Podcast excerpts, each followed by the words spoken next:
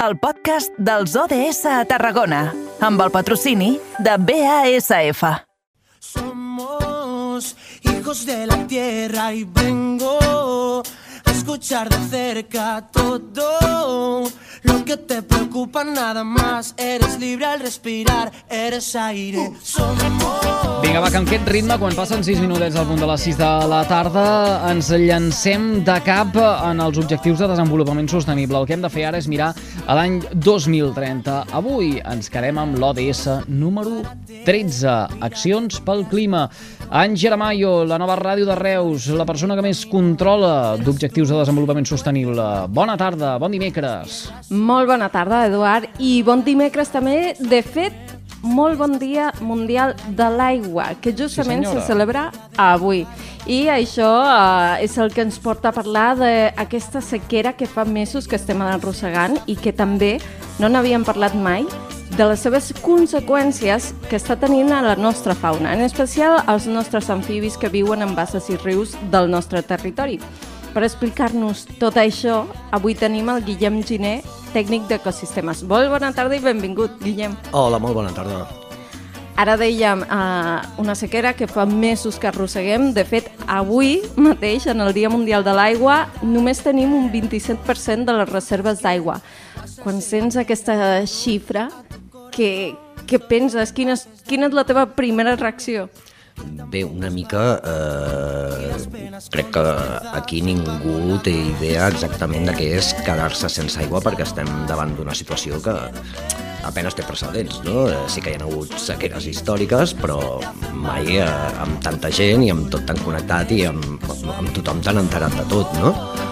Eh, bé, mm, la veritat sí, eh, qualsevol que hagi sortit al camp últimament, jo com a, com a naturalista, no? doncs bé, haurà vist ben clar que no hi ha aigua, que està tot sec, com estan tots els nostres pantans, les basses eh, tan importants per als amfibis, eh, doncs bé, en tenim, ja portem un bagatge de, de més d'un any, l'any passat va fer una cosa semblant també, va ploure tard, malament, Eh, bé, aquest any l'estem repetint, l'any passat va ser bastant nefast pe, pels amfibis perquè va partint dos la, el seu període reproductiu, no? I aquest any, doncs, bé, eh, anem camí de, del mateix. Uh -huh. De fet, uh, ara quan estaves dient això, jo me'n recordo que hi ha una, hi ha una ruta aquí a, a Vilaplana del, de les Tosques, La ruta dels Tosques, correcte. la ruta de les Tosques, que justament ara pensant-hi en ella, eh, penso, ostres, ens estem quedant sense aquesta aigua, i com està afectant tot això als, es, als ecosistemes que se creen al voltant d'aquestes basses, d'aquests rius que podem trobar al nostre territori? Clar, estem parlant de... Tots de... Tot, tota vida, per dir-ho d'alguna manera, depèn de l'aigua, no? Estem parlant de coses que depenen molt més que altres eh, de l'aigua, no? com són doncs, animals que necessiten aigua pel, pel seu desenvolupament, plantes que estan adaptades a, a tenir una disponibilitat d'aigua eh, abundant pel seu desenvolupament.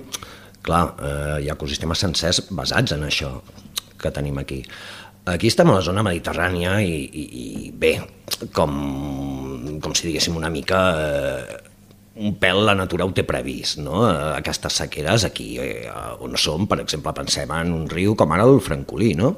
Uh -huh. El riu Francolí baixa aigua durant tot el seu tram, eh, durant tot l'any, Bé, no, sempre, sempre, sempre, no. Per exemple, a l'estiu, la part baixa, la que passa per Tarragona, és habitual veure-la veure -la seca, no? I com a francolí, doncs, totes les nostres rius i rieres, amb excepció clar està de, de l'Ebre i de trams més alts de- d'afluents d'altres rius, com ara parlem de el Brugent, el, el Prades, el, mateix Siurana, eh, uh -huh. que també, déu nhi eh, com està pobret, ai, ai el Siurana. Eh, bé, mm, el, el, el registre, el, el, el cabal que solen portar les nostres rieres i rius, home, respon una mica això.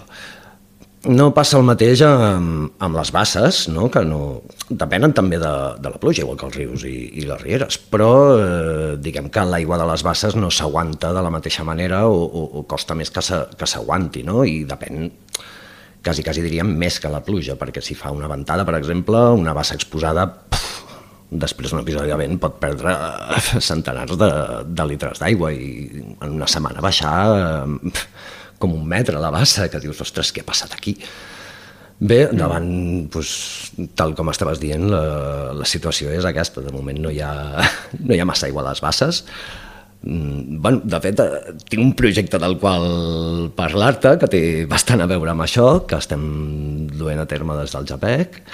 Eh, bé, és un projecte basat eh, sí, en amfibis, en especial en, en un d'ells. No? Aquest amfibi és eh, l'ofegabous, que no sé si deus conèixer o l'audiència deu Ui, conèixer massa. Uh, uh, posem, si us plau, els punts sobre les is, perquè per jo ofegabous sí. em penso que no ens ve res al cap ara. Val, bueno, pel nom ja diem ofegabous i dius, ostres, eh, estem parlant que tenim per aquí un bitxo que em pot sortir i, i, i pot ofegar un bou, pues, si jo surto m'arrenca el cap, no? Si vaig pel cap. No, no, no, no, no, no, uh, no parlem de, d'algú tan bèstia. Ofegabous, eh, home, sí, ofegava els bous, però per què? Eh, doncs més que res perquè els han nuagava, no?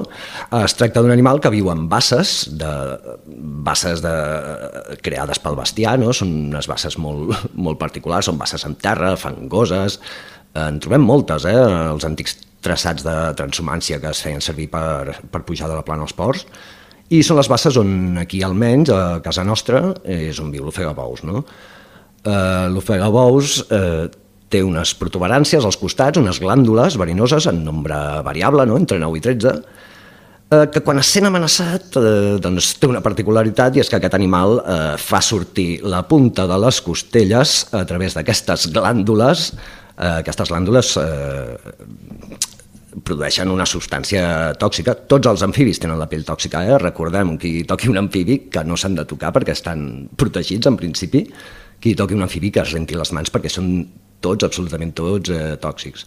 Llavors que, doncs bé, quan les costelles de l'ofegabous atravessen aquestes glàndules, sobretot quan l'animal es sent amenaçat, l'animal el que fa un cop treu aquesta punteta és eh, es, es contorsiona mm, violentament. Clar, quan un bou eh, anava a una bassa amb ofegabous i va bevia aigua així de qualsevol manera i amb poca educació i, i, i se'n passava un ofegabous, clar, l'animal es sentia amenaçat, parlem d'un animal que, que no és petitet, petitet, petitet. Eh, parlem d'un animal de 20, 25, els més grossos eh, descrits feien uns 30 centímetres. Doncs clar, eh, enmig de la gola tenia allotjat eh, una cosa, una cosa que, que et punxa tòxica i que es mou fa que lògicament el pobre bou doncs, mm. es, es tossegués no? i acabés expulsant o, o, o empassant-se, a saber però era conegut dels pagesos eh, i, dels, i dels ramaders especialment per, per això, per haver observat el, el fenomen algun cop. No obstant, eh, bé, jo tinc referències, almenys que en l'antic, eh, Terres de l'Ebre, jo he sentit eh, parlar de l'arròs amb tritonets, eh, tal com sona. No, no sé si s'empraria si l'ofegabous o, o altres espècies de tritons també presents allà, però mm, bé, mm, veient com són alguns de grossos, no em costa d'imaginar. I també tinc entès que moltes zones, de, sobretot de, de, del País Valencià, però també de, de por les Espanyes, no?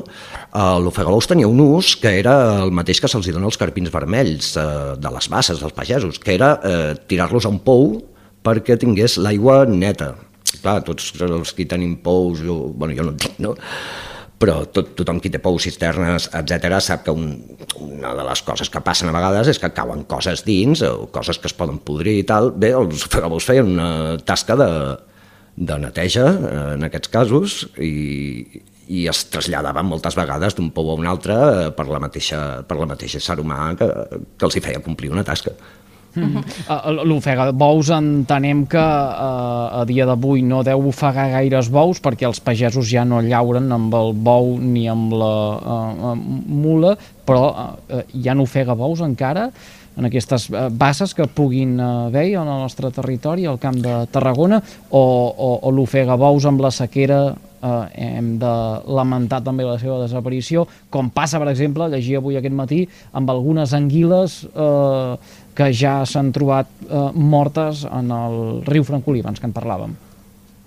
Doncs, a veure, mm, la primera resposta és eh, sí, tenim ofegabous. De fet, a, de, a Catalunya l'ofegabous només és present a, a la província de Tarragona i concretament a Terres de l'Ebre, tret d'una bassa una sola bassa eh, que està a la comarca del Baix Camp. Eh, la resta és pràcticament eh, un animal restringit a Terres de l'Ebre, molt propi de, de la zona, no? I sí, tal i com dius, eh, el camp, la vida de camp, eh, els usos i tradicions de camp i de mantindre la natura d'acord als usos del camp, doncs sí, tot això eh, s'està perdent. I de la mà d'això, doncs bé, recordem que molts d'aquests animals, no només els ofegabous i els amfibis, sinó rèptils, mamífers, ocells, moltíssims animals s'han beneficiat de que l'ésser humà obri, obrís eh, el bosc, creés eh, basses per, per abeurar el seu bestiar, doncs molts animals es van aprofitar d'això i es van estendre.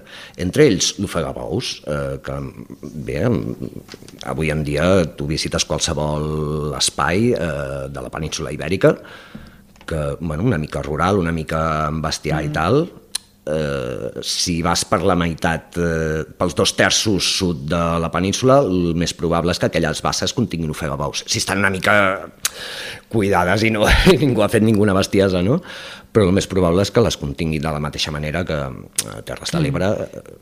No tenim clar eh, fins a quin punt totes les basses contenen ofegabous, n'hi ha vàries, és, és el que estem tractant de d'esbrinar sí. des de JAPEC mitjançant una sèrie de, de, bé, de, de pentinar el territori i les, i les basses que trobem, no? Uh -huh. I a partir d'aquí, eh, bé, podríem donar una resposta. Mm. Jo, en principi, que a títol personal, doncs, jo soc, jo soc un friqui d'aquestes coses, no? I, I, doncs, diguem que porto, porto temps, no?, veient aquests animals. I bé, jo he vist eh, davallades importants a vegades, a vegades per tema d'enfermetats, a vegades per sequera mateix. Aquest any, per exemple, eh, clar, moltes basses les, les visitarem, però clar, no sabrem si allà hi ha ofegabous o no, perquè si estan seques l'animal es fa molt més difícil de, de detectar. Són animals que...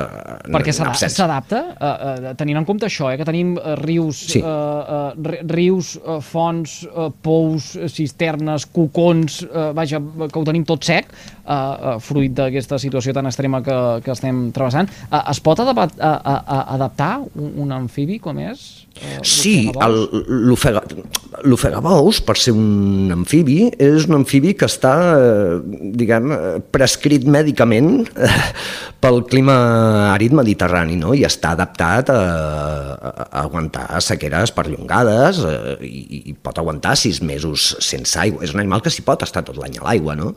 Però eh, té una pell una mica ja diferent a altres amfibis, més, més, algo més rugosa, més gruixuda, més resistent. No fa, no fa mega miracles, però li permet a l'animal doncs, resistir amb comoditat doncs, eh, sequeres com la que estem patint. En tot cas, esperem que plogui, que puguem revertir aquesta situació sí. pel bé de l'ofega bous i pel bé en eh, general. Sí, de uh, tots Déu nosaltres ja, sí, sí. Déu-n'hi-do. La, la, la sequera, la manca de pluges uh, en boca de tothom aquests dies. Avui, a tall d'exemple, al Parlament uh, se n'ha parlat d'aquesta qüestió. Uh, L'altra cosa és si s'han posat o no d'acord els uh, diferents uh, representants polítics, que em penso que eh, han eh, tingut alguna estira i arronsa entre ells. Però això són figues d'un altre paner mm. i en parlarem un altre dia. Guillem Giner, tècnic d'ecosistemes del JAPEC, eh, gràcies per compartir amb nosaltres aquesta estoneta i per haver-nos permès descobrir l'ofega bous. Vaja, gràcies a vosaltres per convidar-me i deixar-me que, que, que us suelti la pallissa, que, que a mi m'encanta. un, un plaer, uh, i escolta, el dia que vulguis tornar, uh, t'obrim de bat a bat a les portes de l'estudi. Oh, moltes gràcies, doncs, quan vulgueu. Que vagi molt bé, bona tarda. I gràcies també al nostre companya de la nova ràdio de, de Reus, l'Angi Aramayo. Angi, a reveure, fins demà. Adeu.